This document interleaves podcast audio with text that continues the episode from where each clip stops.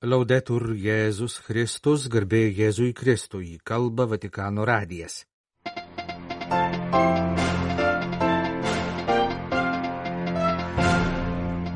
Dėl lengvo gripo šeštadienį buvo atšauktas popiežiaus audiencijos. Popiežius busimiems Romos kunigams. Kunigas tai ne solistas, bet choristas. Didelio masto karo antrosios metinės nuncijaus Ukrainoje interviu Vatikano žiniasklaidai. Ukrainoje vasario 24-ąją buvo paskelbtas maldos maratonas už pergalę ir teisingą taiką. Pradedama kampanija, kurios tikslas skatinti jaunus žmonės geriau susipažinti su jiems skirtų popiežiaus posinodinių paraginimų Kristus vyvit. Tęsiasi kunigų ir vienuolių pagrobimai Haityje.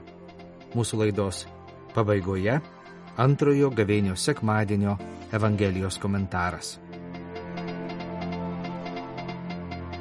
Šeštadienio rytą turėjo įvykti popiežiaus susitikimas su Romos vyskupijos diakonais, kurie po poros mėnesių priims kunigystės šventimus.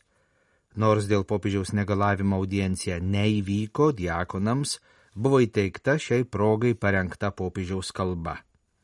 Kreipdamasis į netrukus Romos vyskupijos kunigais tapsiančius diakonus popiežius atkreipė dėmesį į tris asmenius kunigystės bruožus - būti ištikimais bendradarbiais, tarnauti Dievo tautai, leistis šventosios dvasios vedamiems. Pirmiausia, šventoji motina bažnyčia kunigų prašo būti ne lyderiais, bet bendradarbiais. Tai yra dirbti bendrai su kitais ir su visa Dievo tauta, rašoma diakonams įteiktoje popiežiaus kalboje. Bažnyčia, kaip primena Vatikano antrasis susirinkimas, pirmiausia yra bendrystės slėpinys. Kunigai yra šios bendrystės liudytojai. Kitaip tariant, kunigai yra choristai, o ne solistai, broliai kitiems kunigams, kunigai visiems, o ne savo grupiai, tarnaujantys ir nuolat save ugdantys, nepretenduojantys būti nuo kitų nepriklausomais. Antrasis aspektas - tarnavimas Dievo tautai. Popiežius pabrėžė, kad kai diakonas priima kunigystės šventimus, jo diakonystė neišnyksta. Diakonystė yra pagrindas, ant kurio statoma kunigystė. Kunigas turi būti panašus į Jėzų, kuris atėjo ne kad jam tarnautų, bet pats tarnauti. Taigi, kunigas turi visada puoselėti vidinį kunigystės pagrindą, kurį, pasak popiežiaus, galima pavadinti diakonišką savimonę. Trečiasis popiežiaus pabrėžtas kunigystės bruožas - leisti, kad vadovautų šventoji dvasia. Visur ir visada reikia skirti pirmenybę dvasiai, kuri per šventimus nužengia ant kunigo. Tai būtina sąlyga, kad kunigo gyvenimas būtų orientuotas į viešpatį ir pagal viešpatį. Tik taip kunigas gali būti tikruoju Dievo žmogumi. Ukrainos graikų katalikų bažnyčios sinodas paskelbė vasario 24-ąją antrasias didelio masto Rusijos invazijos į Ukrainą metinės maldos ir pasninko už Ukrainos pergalę ir teisingą taiką diena. Šeštadienį vasario 24 dieną nuo 9 val. ryto iki 9 vakaro Ukrainos graikų apieigų katalikai dalyvavo maldos maratone. Kiekviena maratono valanda buvo skirta maldai už tuos, kuriems jos labiausiai reikia. Karius, kapelionus, našlaičius, kalinius, gydytojus, perkeltuosius asmenis, žuvusius ir jų artimuosius, užtikinčiųjų bendruomenės gyvenančias ties fronto linija ir rusų okupuotose teritorijose. Maratono pabaigoje - rožinio malda, kalbama visoje Ukrainoje. Mūsų stiprybė šiomis aplinkybėmis yra malda, kviesdamas į maldos už pergalę ir teisingą taiką maratoną pabrėžė Ukrainos graikų apieigų katalikų didysis arkivyskupas Svietoslavas Ševčiukas. Jaučiame, kad malda atgaivina prieš Dievą stovinčio žmogaus širdį ir sielą. Malda yra stipresnė už Rusijos agresorių ginklą, todėl ji tampa mūsų stiprybę, ginant tėvynės orumą ir laisvę. Stovėkime kartu kaip viena Dievo tauta prieš viešpaties veidą ir melskimės, kad sustabdytume blogio viešpatavimą. Tegul daugiau nemiršta mūsų vaikai, tegul nebedega mūsų miestai ir kaimai, Tegul šis karas nebe paralyžiuoja būsimų ukrainiečių kartų sielos, kūno ir likimo. Dieve laimink Ukrainą, Dieve laimink mūsų gynėjus, Dieve palaikyk mus šiame pasipriešinime blogiui. Dieve, palaimink Ukrainą savo teisingą dangiškąją taiką, meldė arkivyskupas.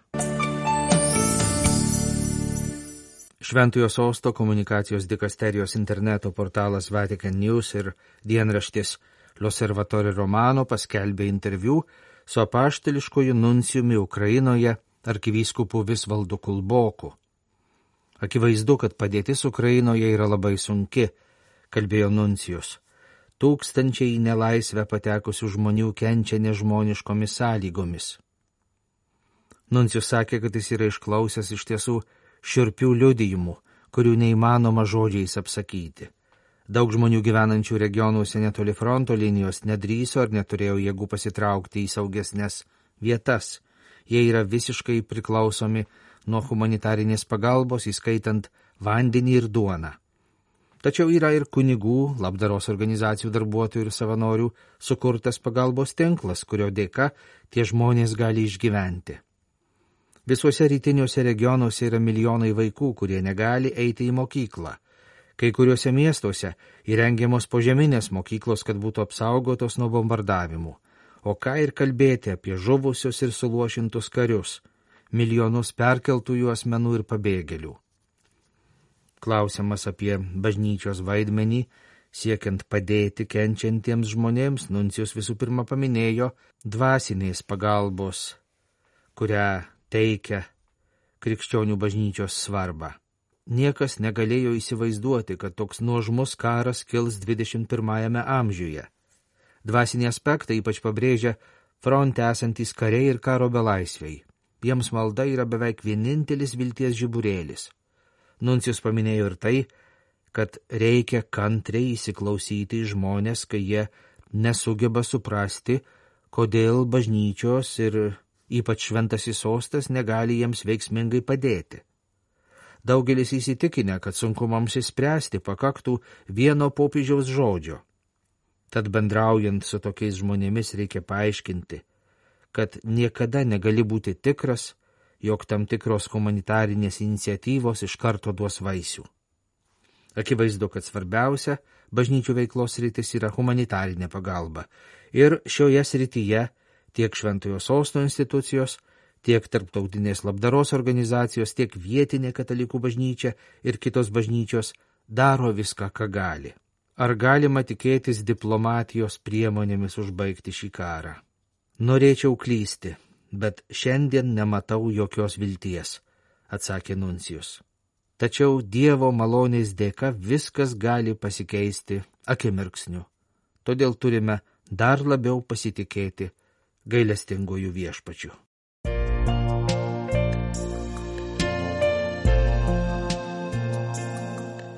Jūs klausotės Vatikanų radio. Tęsėme žinių laidą lietuvių kalba.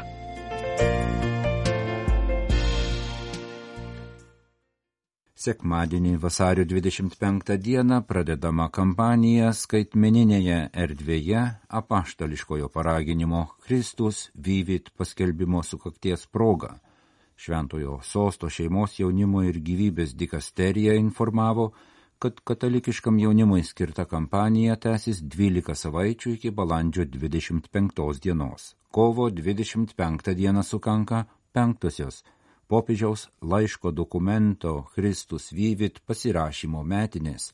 Juo popiežius užbaigė 2018 metais įvykusi vyskupų sinodą jaunimo tema.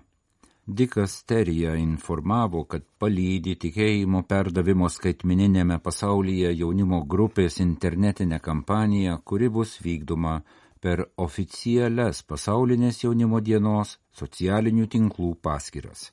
Kampanijos pagrindinis tikslas - palaikyti gyvą pasaulinės jaunimo dienos dvasę skaitmininėje erdvėje ir priminti popiežiaus žinę jaunimui. Esate Dievo norinčio, kad būtumėte vaisingi dabartis. Kartu tai proga paraginti jaunimą dar kartą atsiversti popiežiaus 2019 m. laišką dokumentą Kristus Vyvit, pasidalyti jo reikšme ir dvasia, bei pasaulinės jaunimo dienos Lisabonoje vaisiais. Projektas tikėjimo perdavimo skaitmininėme pasaulyje yra jauniems komunikatoriams skirta Šventojo sosto komunikacijos dikasterijos iniciatyva. Projekto dalyviams suteikiama proga įgyti skaitmeninio bendravimo įgūdžių dvasinio formavimosi perspektyvoje ir savo talentais bei patirtimi prisidėti prie kai kurių šventojo sosto institucijų projektų įgyvendinimo. Haityje tęsiasi katalikų pagrobimai šeši švenčiausiosios širdies broliai buvo pagrobti ginkluotų grupuočių pakeliui į mokyklą, o kitas kunigas buvo pagrobtas po mišių Porto Prence. Vyskupui Pierui Andrė Duma praėjusį sekmadienį sužeistam per sprogimą atlikta operacija. Šeši švenčiausiosios širdies vienuoliai buvo pagrobti penktadienio vasario 23 rytą pakeliui į popiežiaus Šventojo Jono 23 misijos mokyklą Komunikate Haičio vienuoliai patikino, jog meldžiasi už brolių paleidimą ir kad būtų užbaigta nesaugumo situacija Karibų jūros šalyje. Minėtoji mokykla yra vienintelė vis dar veikianti didelės rizikos zonoje Porto Prenco sostinės centre. Taip pat buvo pagrobtas kunigas po mišių Fatimos Dievo motinos koplyčioje krašto sostinėje. Tuo tarpu prieš savaitę sekmadienį sostinėje per sprogimą sužeistam vyskupui Duma atliktos dvi operacijos vyskupo būklė gera, tačiau jį žadama perkelti į ligoninę Majamyje, Junktinėse Amerikos valstijose tolimesniam gydimui. Kunigai ir tikintieji Haityje dažnai tampa nusikalstamų grupuočių įsitikinusių, kad bažnyčia yra turtinga ir gali mokėti išpirkas pagrupimų taikiniais. Paskutinis rimtas incidentas įvyko maždaug prieš mėnesį, kai iš autobuso buvo pagrobtos šešios vienuolės. Ta proga popiežius Pranciškus sausio 21-ąją per viešpaties angelo maldos susitikimą prašė melstis už socialinę darną Haityje ir kvietė nutraukti smurtą, sukelianti tiek daug kančių Haičio gyventojams.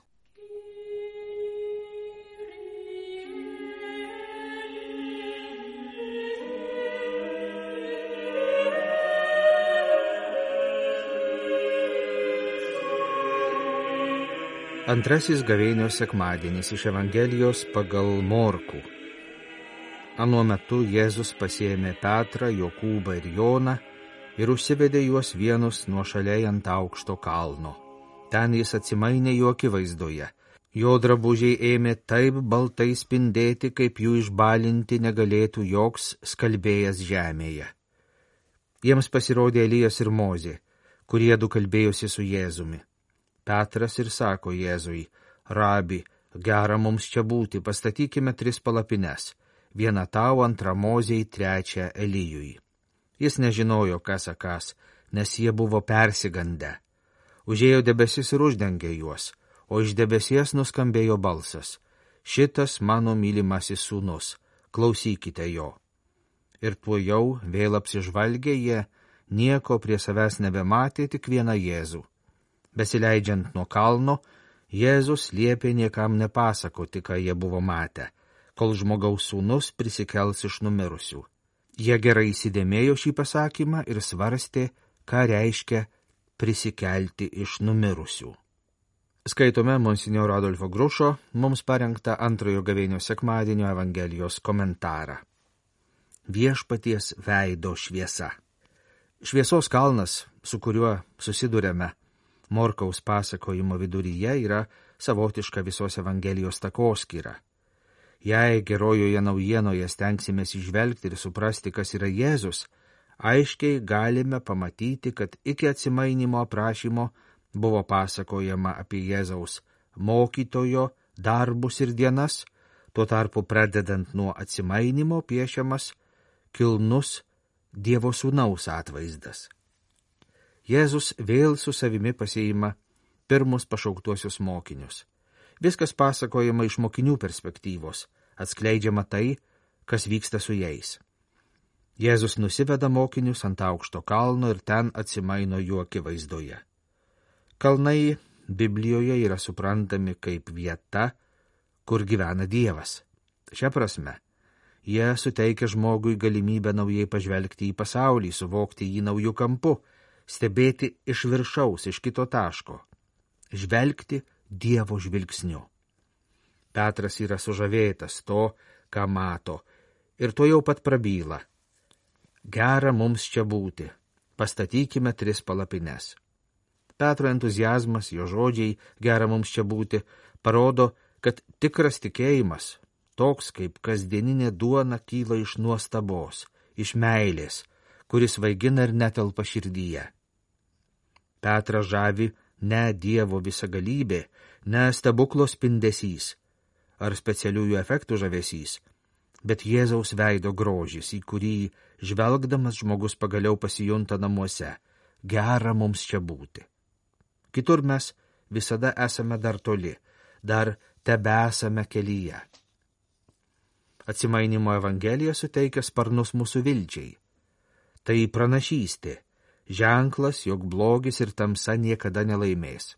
Žmogaus likimas yra kitoks, nes Adomo prigimtyje slypi šviesa, laikoma molio keutę, ir žmogaus pašaukimas yra išlaisvinti tą šviesą. Savo emocijomis Petras atveria mums kelią. Norėčiau ir aš, galbūt ne visai gerai, kaip ir Petras, parinkdamas žodžius pasakyti, kad ir man kartais teko prisiliesti prie tikėjimo grožio, kad ir man tikėti reiškia pajusti pilnutinio gyvenimo vertę. Petras, pagautas entuzijazmo, ėmėsi greitų ir ne iki galo apgalvotų sprendimų. Pastatykime tris palapines.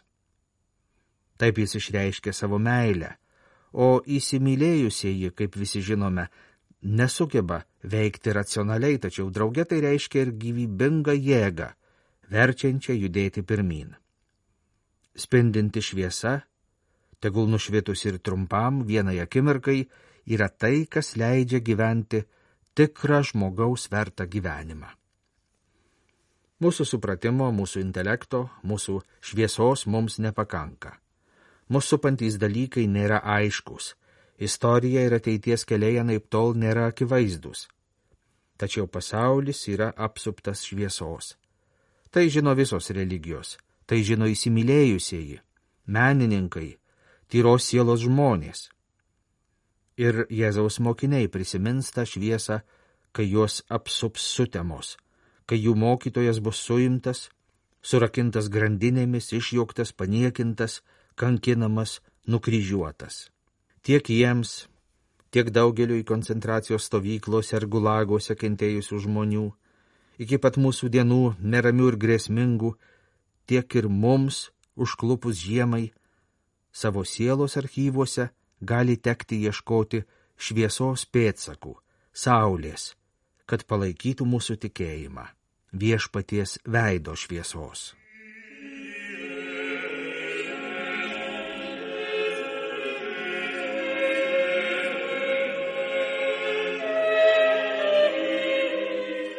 Kalba Vatikano radijas. Laidą lietuvių kalba baigėme. Garbėjai Jėzui Kristui, laudetur Jėzus Kristus.